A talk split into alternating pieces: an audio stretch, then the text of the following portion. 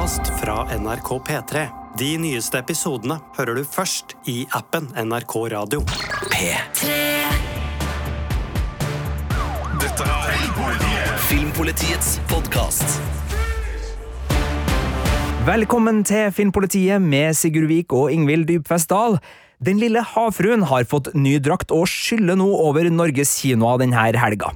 Det er en gyllen anledning til å snakke om en av Disneys gylne epoker, nemlig braksuksessen de hadde med sine animasjonsfilmer på 90-tallet. En gullalder som starta med nettopp Den lille havfruen i 1989. I denne episoden skal dere få dommen over nyinnspillinga av Den lille havfruen. Eh, dere skal få historier om hvorfor animasjonsfilmene Disney slapp på 90-tallet kalles for Disneys renessanse, og vi skal fortelle dere hva vi syns om de her stadige live action-oppdateringer av gamle Disney-favoritter. Og så er det jo bare å advare kraftig om nostalgi her, for Disney sine 90-tallsfilmer, det er filmer vi har et ganske så nært forhold til, Ingvild. Åh, ja. Det er jo ti filmer som blei spytta ut i ganske formative år for min del. Eh, og jeg var så heldig å ha to yngre brødre på den tiden, så jeg hadde en unnskyldning, selv om jeg selv liksom egentlig begynte å bli litt for gammel for tegnefilm. Så hadde jeg en unnskyldning til å se Den lille havfruen i norsk versjon på repeat, sånn cirka én gang eller to eller ti hver helg. Åh, oh, de, de soundtrackene Altså, jeg var jo sju år da Den lille havfruen kom, og den rekka som liksom fulgte med uh, Skjønnheten og udyret, Aladdin og Løvenes konge opp til jeg var da 12-13 Fytti rakkeren, det var så god god, god underholdning å ha. Altså, det var, eh, jeg husker det var leker i Happy Meal på McDonald's. Hei sann, McDonald's. Litt eh, reklame her. Så jeg har vel den her klokka fra Skjønnheten og udyret og tigeren fra Aladdin, tror jeg, fra sånn lekepakka lekepakker der. Jeg prøvde liksom febrilsk å klimpre på piano for å lære meg Can You Feel The Love Tonight, altså Elton John-låta fra Løvenes konge. Og det var jo også starten på filmsamlinga mi, for min litt eldre søster hun samla på de her eh, videoene som kom ut i sånn limited time only. Det var et sånt lite vindu hvor Disney slapp sine VHS-er til, til, hjemmebruk.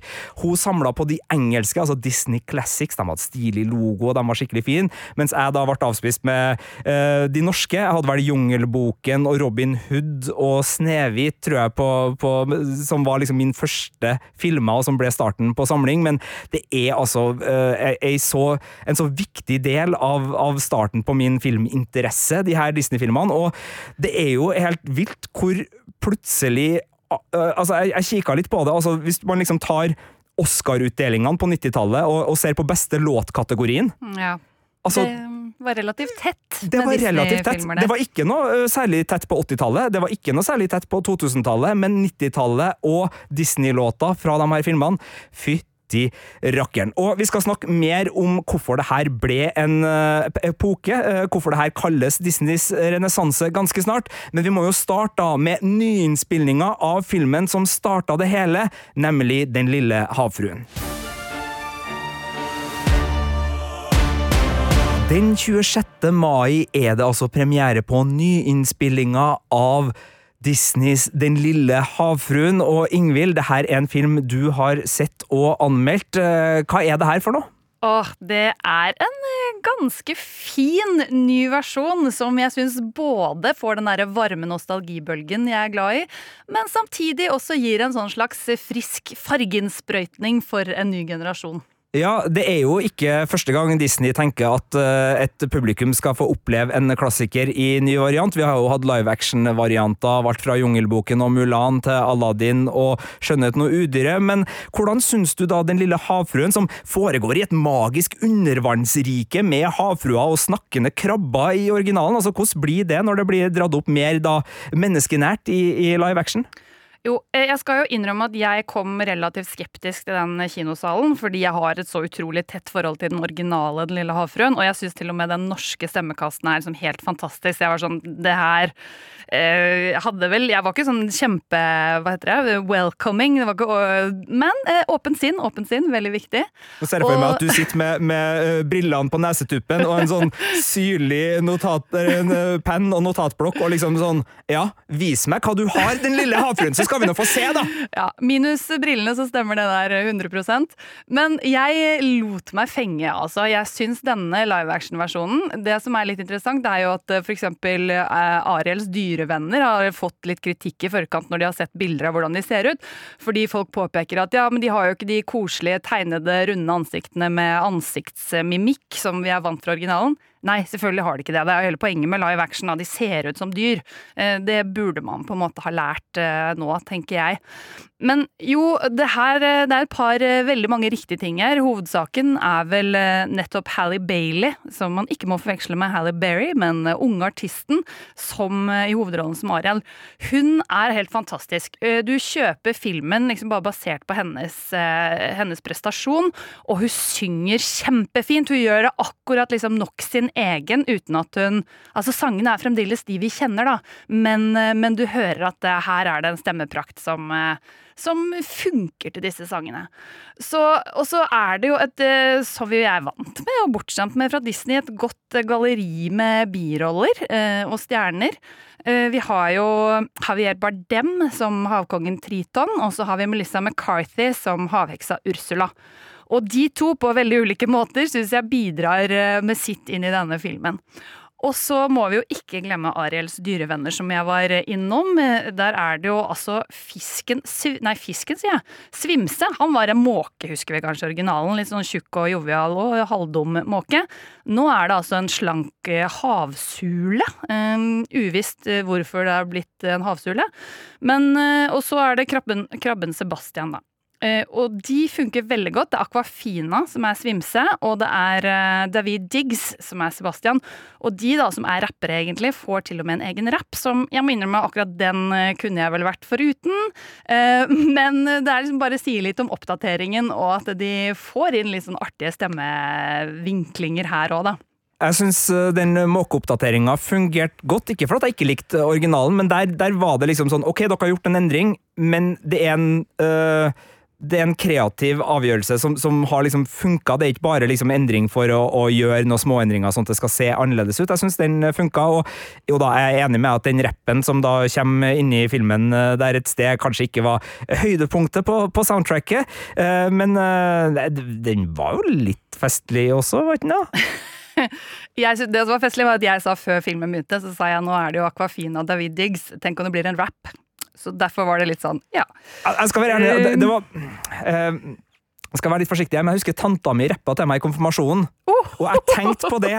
Uh, det gjorde jeg. Det, det gjorde jeg. Men, men, men la ikke det, og det er jo egentlig bare å skryte av min tante, som da tydeligvis rappa uh, ålreit. Uh, nei, det Ja. Mm. Husk å takke for innsatsen, tenker jeg.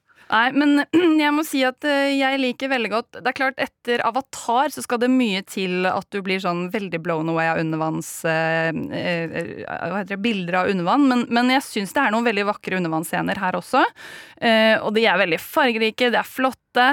Og så er det de de som var skumle scener i originalen, er jo hakket skumlere, syns jeg. Det er liksom Up the Game med skipsforlis og en slags klimatisk scene med Ursula.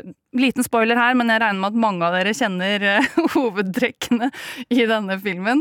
Uh, og jeg syns det er et lite minus at en del av de scenene blir rett og slett for mørke til å til å ja, ta de ordentlig inn. Ja, for det var der jeg syns at denne filmen eh, ikke ikke mm, matcher originalen i det hele tatt. Det er liksom på vis det visuelle spetakkelet og det spektakulære, fordi det blir litt sånn grumsete og mørkt og litt traust sammenligna med den fartsfylte uh, visuelle sprengkraften da, som er i, i originalen. og det er jo da man liksom kan stille seg spørsmål som ok, men hvorfor skal dere gjøre det her som live action? Jeg tenker En del av de Disney-filmene som har blitt uh, gjort om til live action, har jo liksom hatt såpass mye i menneskeverdenen at det har vært ganske sånn enkelt å overføre det til, til mennesker, men akkurat den her spesialeffekt undervannsdelen er vel kanskje den biten jeg syns er svakest med nyinnspillinga av Den lille havfruen. Uh, hvordan er du der?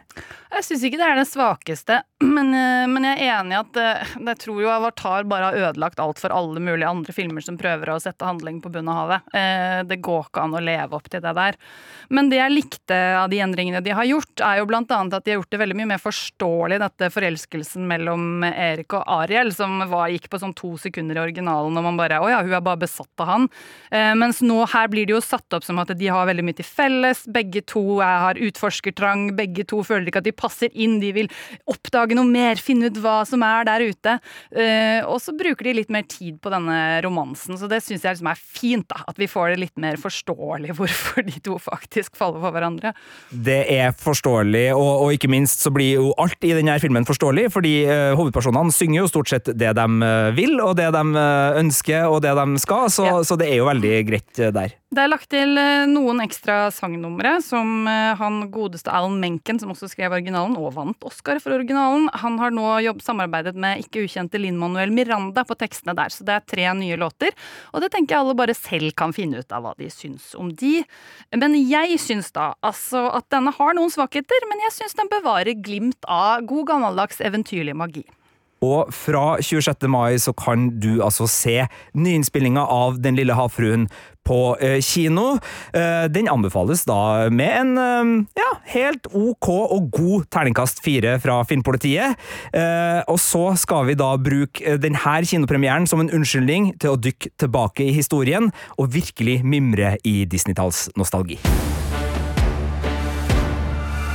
Da den animerte Den lille havfruen kom i 1989, så ble den altså starten på det som kalles i ettertid Disneys renessanse. Og det var ei, ei, storhetstid som kom, og, og, som virkelig løfta Disney. Men før vi kommer til den biten, så må vi jo se litt på, på det som var før. For Disney har jo hatt eh, både gullalder og sølvalder før, og allerede da i, i 1937, hvor de slipper sin første helaftens animerte spillefilm med eh, Snøhvit og de syv dvergene, så starter jo en gullalder Charlie, som følges da opp med Pinocchio, Fantasia, Dumbo og Bambi, som da leder oss opp til 40-tallet. Og så har de da det som omtales som sølvalderen fra 1950 til 67, som da har Askepott, Alice in Wonderland, som jeg klarer ikke å si Alice i Eventyrland, tydeligvis, for jeg gikk rett på, på engelsk der. Eh, Peter Pan, Lady og Landstrykeren, Tornerose, 101 dalmatinere, Sverdet i steden og Jungelboken. Og det her er jo Disney-klassikere som er tidløse, og som finnes i så mange hjem, og som gjorde det så bra, og som ble så populær. Eh, og så er det jo sånn da at eh, det skjer nå i overgangen eh, til 70-tallet. Altså, det som skjer på toppen av Disney, og som er dramatisk, er jo at både Walt Disney, som da dør i 1966, og broren Roy Disney, som dør i 1971, forsvinner ut av ledelsen av Disney-konsernet, og det sammenfaller da med endringer i toppledelsen og en nedgang. For, og, og, her må vi jo presisere at uh, nå bruker vi overskrifter for å fortelle denne historien, her, så det er nyanser hele veien. Og vi må også si at det er jo masse gode filmer som kommer i den perioden. altså En av mine favoritt-Disney-filmer er jo Robin Hood, som kommer i 1973, men da, den er da liksom inne i den her lille uh, slumpen. Men det går litt sånn Det, det butter imot for, for, Disney i denne perioden uh, lite grann, og, og spesielt da i 1981 så mister de en av sine stjerneanimatører, Don Bluth, som ikke bare slutter, han tar med seg flere av de beste animatørene.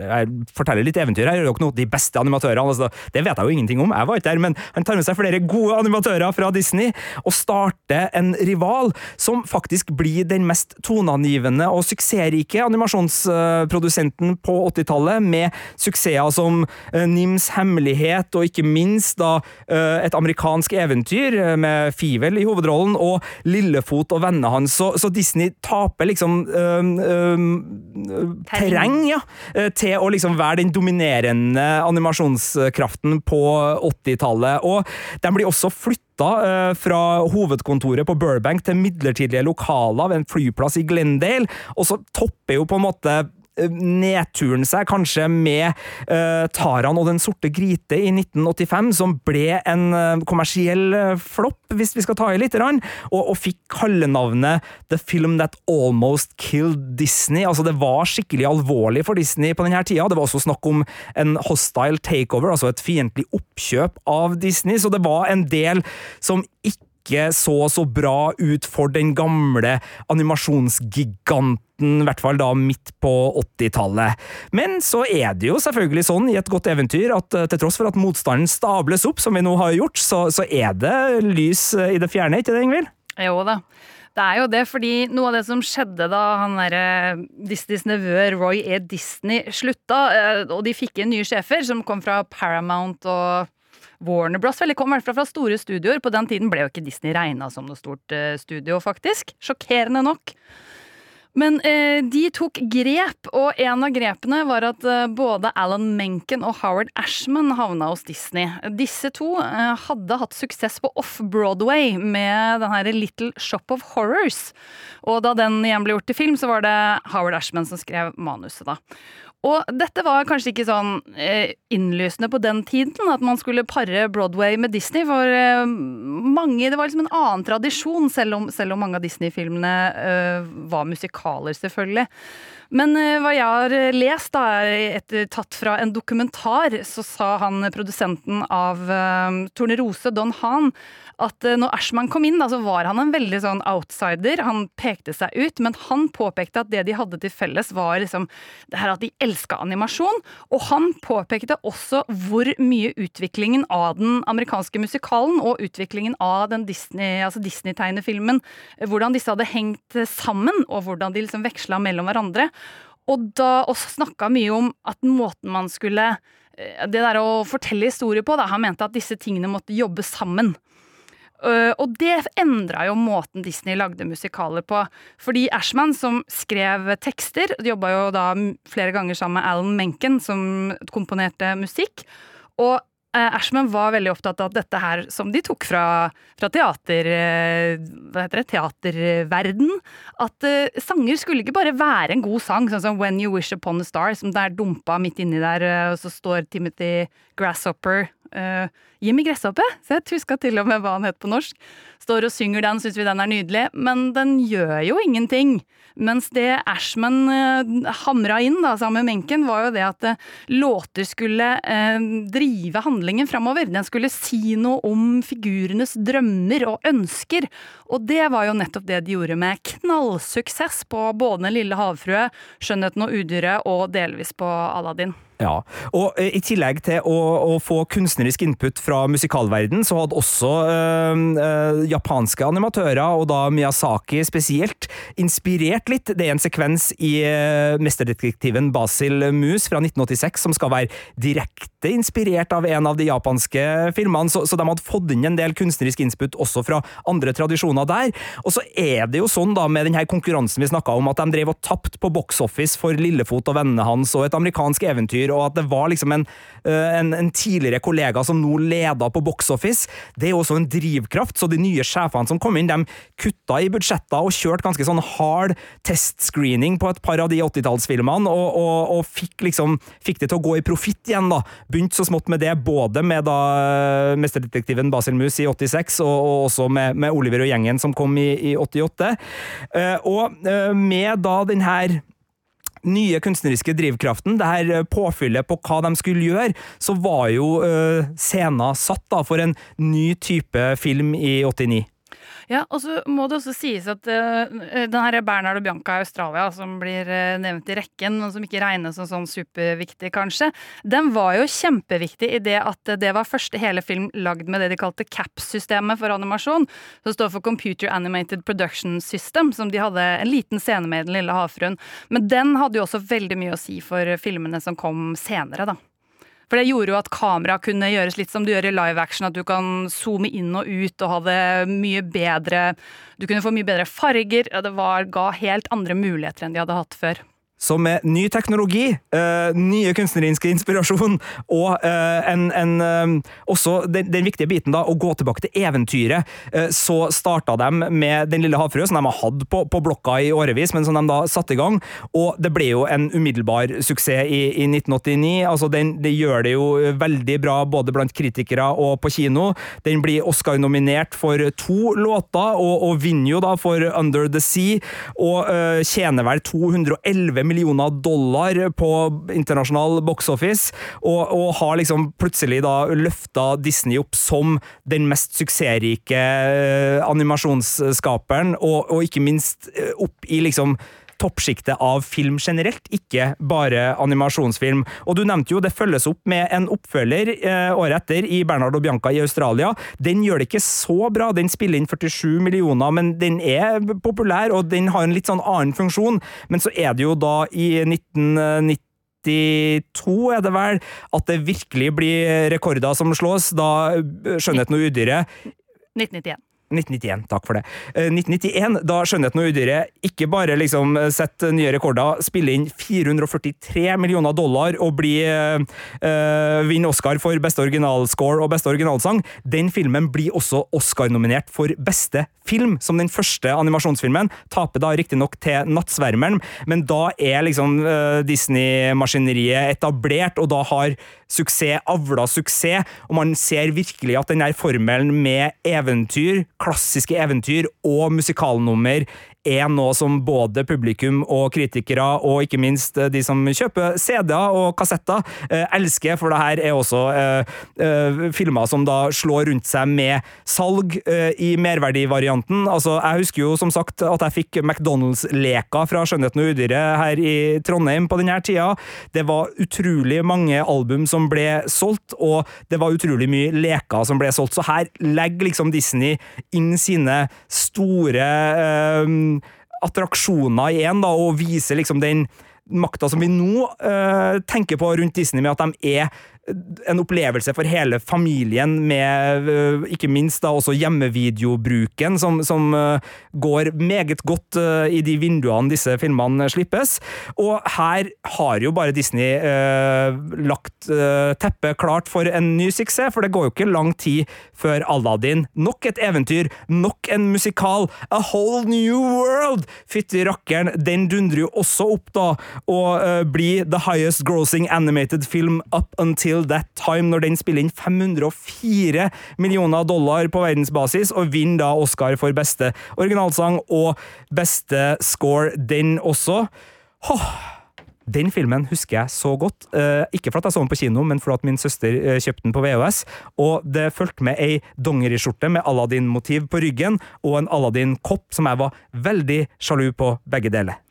Jeg syns det er litt komisk, da, for jeg så alle disse om igjen nylig bare for å minne meg selv om åssen de var. Og før, altså på Disney Pluss, og da før Aladdin var det kommet en sånn plakat med at uh, vær bevisst på at det er noen litt ikke helt bra stereotypier her som, du må, som er litt utdatert nå, og som du må huske på å ha i bakhodet. Og så tenkte jeg å ja, så bra, det har de sikkert gjort på alle. Jeg mener, eh, det er jo flere her som kunne trengt en liten plakat, men nei, det var ikke det på de andre. Det var bare Aladdin, da, som hadde slemme stereotypier. Ja. Um, den er jo ikke toppen på kransekaka, for den toppen den kommer i 1994. Da krones den her ganske raske suksessen som Disney da har med Løvenes konge, som da igjen slår rekorder, som igjen vinner Oscar, og som nok er vel det soundtracket som har solgt aller best, hvis min hukommelse står meg bi av disse her. Det er Hans Zimmer, det. Det er Hans Zimmer, det er Elton John og det er Tim Rice. Altså, Tim Rice har jo liksom sneket seg litt inn i Eller sneket seg inn, han, det har han virkelig ikke, men, men det, det skjedde jo litt på, på soundtrack-fronten her, med, med, hvem som gjorde hva, men Alan Menken er jo med sammen med Tim Rice å lage Aladdin-soundtracket, fordi da var det jo et, et dødsfall, dessverre, under Aladdin på Howard Ashman, som gjorde at det, det teamet da ble, ble brutt opp. Men uh, Tim Rice går da videre og jobber på Lion King, da sammen med Elton John og Hans Zimmer, og lager jo en musikal som er, har både Shakespeare og uh, popliste i seg på helt fortryllende vis, og det her er jo min desidert favoritt blant Disneys animerte filmer. Uh, fra uansett uh, tidspunkt, og ble jo en, en gigantsuksess. Ja, og jeg, må, jeg, husker jo veldig godt at uh, den her kom jo liksom på da jeg gikk på videregående, men vi var på vorspiel og hadde på Hakuna Matata, og liksom det, det var ikke noe stopper der, da, at man egentlig var for gammel for animasjon. For 'Løvenes konge' blir du ikke for gammel til. Nei, herlighet. Jeg har jo kosa meg. Jeg har vært og sett musikalen i, i London og storkosa meg med den. Eh, jeg har sett dessverre det som ikke er en veldig god live action-variant, men samme det, den er allikevel Løvenes konge, og jeg tror jeg spilte i hjel den CD-en. uh, med soundtracket. Altså, det, det, var så kul musikk. Det er så kul musikk, og det er så levende, det er så friskt, og det henger så nydelig sammen med historier som fortelles, og animasjonen som fremføres. Altså, den er bare helt vill. Jeg tror fremdeles The Lion King er på toppen av de mest innbringende animasjonsfilmene hvis man regner klassisk animasjon. Jeg tror det er noe med, med, Frozen og noen nyere filmer som har overgått den på box office, men den tjente da 968 millioner dollar på verdensbasis, uh, denne filmen, og er jo fremdeles på Den er høyt oppe på all time-lista over de mest innbringende filmene i verden. Så uten at vi skal liksom si at renessansen stoppa her, fordi den fortsatte utover 90-tallet, så er det jo her den er på toppen. Altså, Disney har da, fra 1989 og fem år seinere, bare liksom dominert alt. Både på Oscar-utdelinga, på Box Office og blant kritikere, og ikke minst da på gutterom i Klæbu og jenterom og alle rom, fordi de bare har laga så mye fantastisk, eventyrlig musikalunderholdning. Blir ukritisk, eh, denne filmanmelderen, nå merker jeg, men, men eh, for ei rekke å ha! Og det slutter jo ikke der. Går jo videre. 1995 kom Pocahontas. Ja, eh, litt ned på både inntjening og, og litt uh, mixed reviews, som det heter. Og det er vel en av de uh, filmene som neppe uh, kommer til å få en live action remake, for her er jo behandlinga av amerikansk urbefolkning kanskje noe som bør uh, ja, uh, diskuteres og, og, problematiseres. Ja, det var jo også noen som reagerte på en viss hva skal vi si, romantisering av det forholdet mellom Pocahontas og John Smith, som angivelig var jo Pocahontas 14 år og han som 40 da de møttes, og gikk ikke helt sånn som Men vi vet Disney, Disney lager sine varianter, da, så dette er liksom en happy variant. Men den vant to Oscar, da. Menken igjen sammen med Steven Swatch nå, også pluss for originalmusikken. De gjorde det, og den tjente også 346 millioner dollar, så uh, box office var ikke så dårlig. Men det var på nedadgående vei, og, og det ble enda lavere da The Hunchback of Notre-Dame uh, kom. Ingen Oscar til den, uh, og 325 millioner på box office. Altså, veldig bra. Veldig, veldig, veldig bra, men en nedadgående kurve som da ble begynte å, å, bli en, en, liten sånn snakkis i 1997, da Hercules kom, som da tjente enda mindre, 252 millioner dollar. Uh, og uh, da begynte liksom medierapporter å, å, å, snakke om at Disney var på en nedadgående trend med sine animerte filmer, og den fikk heller ingen Oscar. Så, så i 97 så, så det litt ut som kanskje den her Disney-renessansen var på nedadgående kurve, men den var ikke helt ferdig, fordi Mulan kommer i 1998. Yep. Inntjeninga spredt opp igjen. Eh, kritikerne er fornøyd, eh, i hvert fall i USA, og den har liksom da både fått litt sånn Uh, uh, hva skal man kalle det? Uh, altså, den er jo ikke oppe og, og, nikker på de tallene som den hadde, men, men den har liksom snudd pila Mulan da for Disney må jeg også si at dette er en av mine personlige favoritter. Jeg er vel usannsynlig glad i det soundtracket, eller sånn burde, mer enn jeg burde være, kanskje. Men det var jo Stevie Wonder. Uh, han høres vel ikke filmen, så vidt jeg husker, men på soundtracket så har, synger han uh, flere av låtene, og jeg bare elsker de. Åh, oh, det er eh, en uh, fin film. Jeg merka jo også på, på live action-utgaven av den at de hadde sløyfa en, en figur, og det har jeg full forståelse for, men Eddie Murphy sin rolle som en viss drage er jo også fornøyelig eh, for eh, en ung eh, Sigurd, i hvert fall. Og så er det da den siste filmen som regnes med i denne Disney-renessanserekka. Tarzan fra 1999, hvor Phil Collins vinner Oscar for sin sang You'll Be In My Heart. Og det her er jo da den mest suksessrike kommersielle filmen siden Løvenes konge. Den tjener da 448 millioner dollar på box office, og, og sørger da for at Disney går ut av 90-tallet på en uh, høy uh, tone, relativt. Ikke like høy som den var på, på, midten, hvor de virkelig bare herja, men Tarzan gjør det altfor bra til å ikke være med i den 90-tallsoppsummeringa som da er renessansen. Dette er jo litt dårlig gjort mot f.eks. et kongerike for en lama, som da kommer litt seinere, og som ikke gjør det like bra, sjøl om jeg liker den veldig godt. Men det er Tarzan som får æren av å være siste Disney-film ut i det som omtales som Disneys renessanse. Og vi har jo vært inne på et par årsaker til hvorfor de her filmene gjorde det så bra. Altså, det var en øh, vei tilbake til musikalen og Broadway-musikalen, og den der viljen til å fortelle historier gjennom musikken, og ikke minst la hovedpersonene få fortelle om hva de ønsker gjennom musikken. Så den biten var jo der, og også det med at mange av de her filmene er veldig kjente eventyr, som eh, gjorde at man gikk tilbake til litt eh, kjerneverdien for Disney med å fortelle de tidløse historiene. Men det var jo også flere årsaker til at de her filmene gjorde det så fordømt bra, og kjendiser i stemmegalleriet har vi jo så vært, vært, vært innom med, med, Eddie Murphy der, men det var jo flere kjendiser som virkelig løfta det her, og jeg tenker jo spesielt da på øh, å, oh, nå sto det stilt. Good morning, Vietnam. Ja, Robbie Kjære Williams. Robbie Williams ja, i Aladdin, som var en av de som bare løfta den filmopplevelsen for meg til, til nye høyder. Jeg leste at eh, han hadde hva heter det, improvisert så mye at de hadde 16 timer å velge eh, av det han hadde liksom bare spitballa ut av eh, sitt kreative hode. Åh, for en komiker, for en skuespiller, og ja eh, Det er altså Det gir sånn liv da, til rollefigurene når du har Altså, jeg vet jo at mange er litt skeptiske nå om dagen til at uh, uh, dubbeyrket har blitt litt sånn Uh, skada av at det er sånn vilje til å ha inn kjendiser i uh, animasjonsfilmer, fordi det gir uh, salgsargument, og det er navn å putte på plakaten og, og den biten der. men det er altså ikke bare negativt, og spesielt da når du kan liksom kombinere det med å få både stjernekraft og stjerneaura og, og liksom den den karismaen som enkelte av disse skuespillerne virkelig brakte Jeg tenker jo også Rowan Atkinson skal få en liten blomsterkvass her for, for Løvenes konge-bidraget sitt. Ja, jeg tror min favoritt er Jeremy Irons som Scar. Eh, Jeg liker jo mange, mange skurker. Og så er- var det ikke uh, Woods? John Woods? Nei, nå må jeg glemme. Som var uh, skurken i Hercules. Åh, jeg, jeg får bare lyst til å, Når du sa Skaren, så får jeg bare lyst til å liksom henge meg inntil veggen og skrape fingerneglene nedover. Åh. Men, men, jeg, eh, jeg syns ja. jo den castinga Disney har gjort der, i mange av disse Det er jo ikke som at de bare slenger inn et par kjendiser og liksom krysser fingrene. De, har, de er jo skreddersydd for rollene, eller rollene er skreddersydd for dem, da.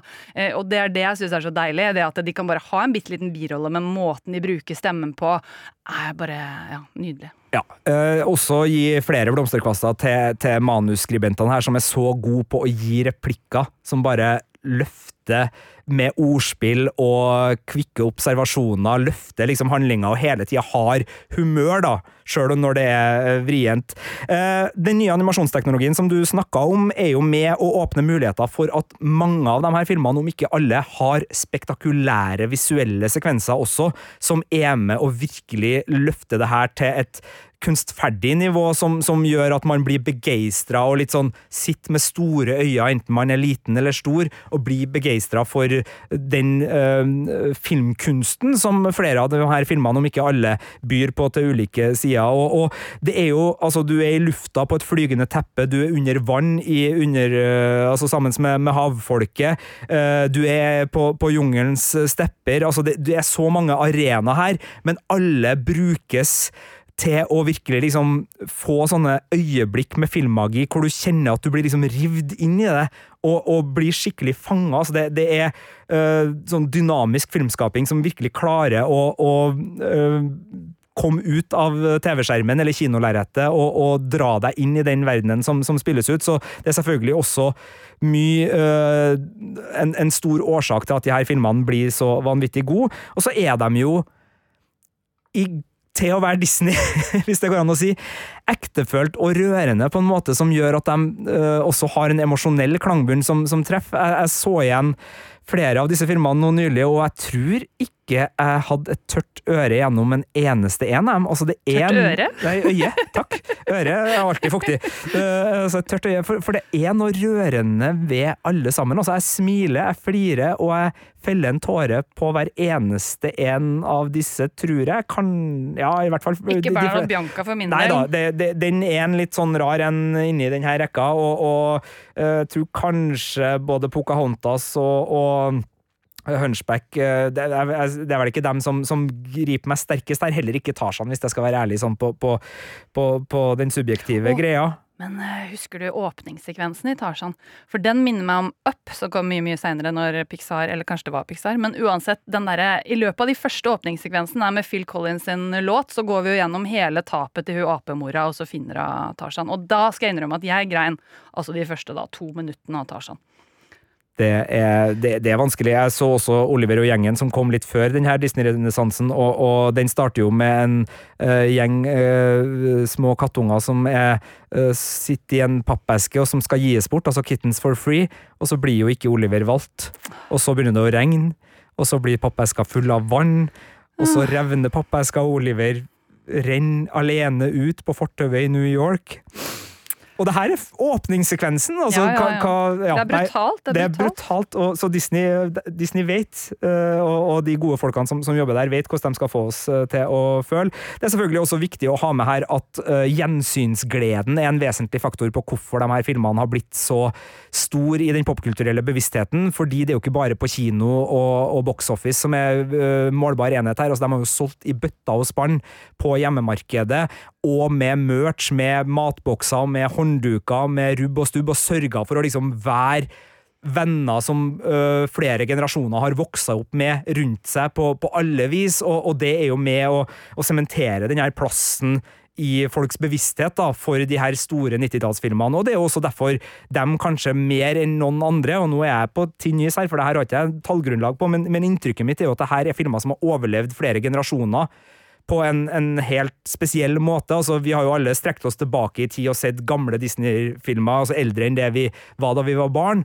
Det er helt naturlig, men spesielt disse filmene, da, og, og spesielt de fire med Den lille havfruen, Skjønnheten og udyret, Aladdin og Løvenes konge, de har jo blitt fire av de, de største som, som jeg tror fremdeles uh, lever godt, selv om de selvfølgelig også er bygd for remakes, noe som vi har fått uh, vite, fordi alle disse fire er jo nå med Den lille havfruen da, som siste skudd på den stammen, laga i ny live action-versjon, som har sørga for at den nye generasjonen uh, kinogjengere også skal få et ferskt blikk da, på disse tidløse eventyrene. Ja, og jeg syns jo det er fascinerende. Det er jo, jeg vil si det har vært med vekslende hell. De har lagd eh, live eh, action-versjoner. Jeg skulle ønske det var et godt norsk ord for live action-versjon. Realfilmversjoner, tror jeg. Skuespillere. Ja, ja det er liksom sånn, eh, ja, ser kjempebra ut. Eh, men uansett, eh, noen av de syns jeg jo bare sånn But why? Og så er det jo svaret der fordi selvfølgelig folk de tenker at siden så mange vil se de om igjen om igjen, så vil de også se en ny versjon. Og det kan til en viss grad stemme, men jeg må jo si, det er jo helt sikkert fordi jeg også ikke er i målgruppa lenger, men når jeg ser et par av disse nyversjonene, så er det jo sånn jeg kan synes noen av de er fine. Jeg syns vel Jungelboken var eh, relativt fin, men det er jo ikke sånn at jeg da etterpå tenker ja, nå har jeg lyst til å se den om igjen. Eh, for de har jeg ikke lyst til å se om igjen, men det vil jeg med disse tegna variantene som har eh, da disse ikke-naturalistiske dyrene som prater og alt det der. Det er interessant, fordi det tror jeg går litt på eh, i hvert fall for min del, for de her, jeg opplever ikke dem som så spektakulære, så, så de blir på en måte en variant av historien. Så jeg er interessert i å se dem én gang, som du sier, for å liksom se hvordan har dere gjort om på historien, eller hva er nytt og hva er det samme, og, og hvordan ser den ut? Og det er jo glimrende skuespillere som, som, spiller ut det her.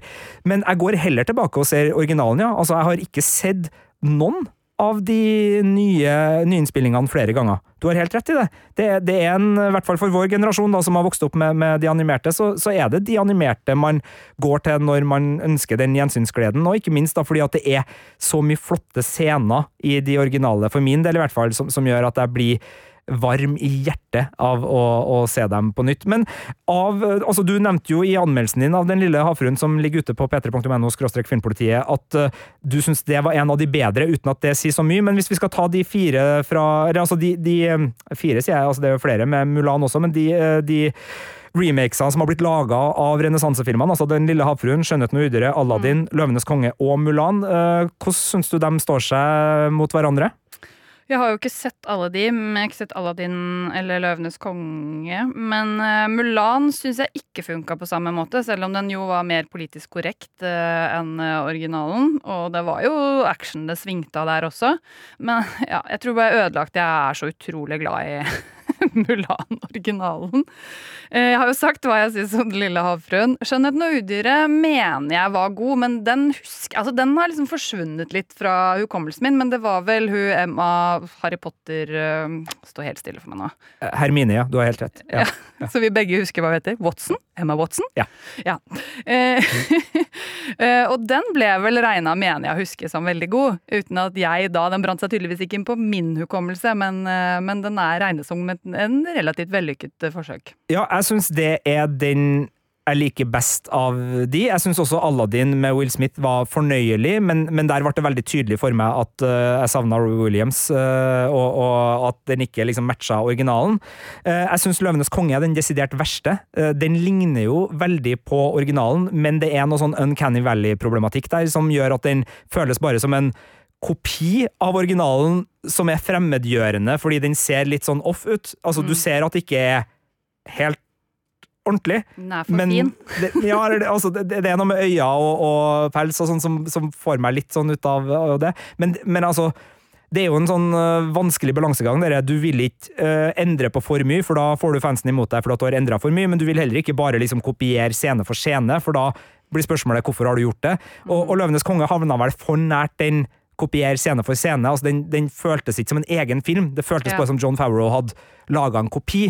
Uh, og det Ja da, det, den har sikkert et publikum som er, er glad i den, men for meg så er det den mest sjælløse av de her. Og så syns jeg jo Mulan har veldig mye kult i seg, men den mangler Uh, der er det liksom spenningskurvene som ikke helt uh, er justert, fordi selv om det er store slag, og de skal redde keiseren, og det er, liksom, det er voldsomt, så, så er det noe med jeg syns Mulan sin historie er fortalt godt i den filmen, men jeg syns ikke spenningsoppdraget, eller redningsoppdraget, har den eh, eh, samme schwungen som, eh, som tilsvarende gode actionfilmer har, for det er jo mer en sånn Sword and Conqueror-film, har blitt da i, i, i nyinnspillinga. Så syns jeg jo Den lille havfruen var god. Jeg tror du liker den litt bedre enn meg. Jeg syns den ble litt kjedelig innimellom, men der har uh, filmpolitiet laga en fasit, så der skal jeg ikke begynne å, å, å krangle. Den har fått terningkast fire, og, og anses som en, en god film, og, og anbefales selvfølgelig til alle som har lyst til å se, fordi du har jo helt rett, hovedpersonen gjør jo den filmen til en attraksjon. Den er verdt å se alene for de eh, skuespillerprestasjonene og de vokalprestasjonene og sangnumrene som, som ligger i den filmen. Med den nye Den lille havfruen i live action-variant så har altså eh, fem av Disneys renessansefilmer fått sin live action-oppdatering.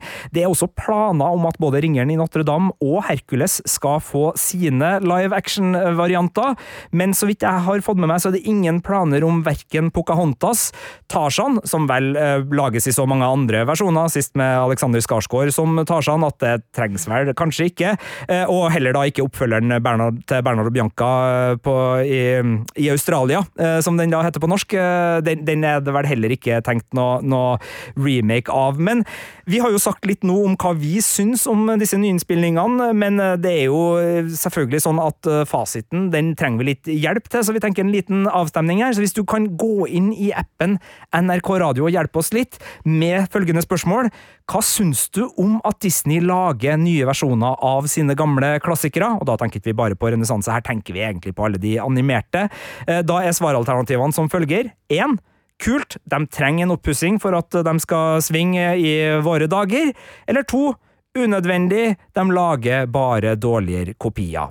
Så da kan dere være med, øh, satt på spissen selvfølgelig det her, og gi en pekepinn på hva vi egentlig syns om disse stadige nyinnspillingene, og så kan du gå inn da på p3.no skråstrek filmpolitiet og lese Ingvild sin anmeldelse av Siste skudd på den stammen, nemlig den nye versjonen av Den lille havfruen, og da gjenstår det vel bare for oss å si adjø og hakuna matata? Hakuna matata! Handelsmenn, sjøfarere, konger, kongsdøttere og krigere. Møt dem som levde i vår verden for tusen år siden. Episke slag, guder, legender og eventyr da verden ble gjenoppdaget. Hør om deres dramatiske liv og tid, basert på Snorre Sturlasons udødelige historier. Hør Vikinger i appen NRK Radio.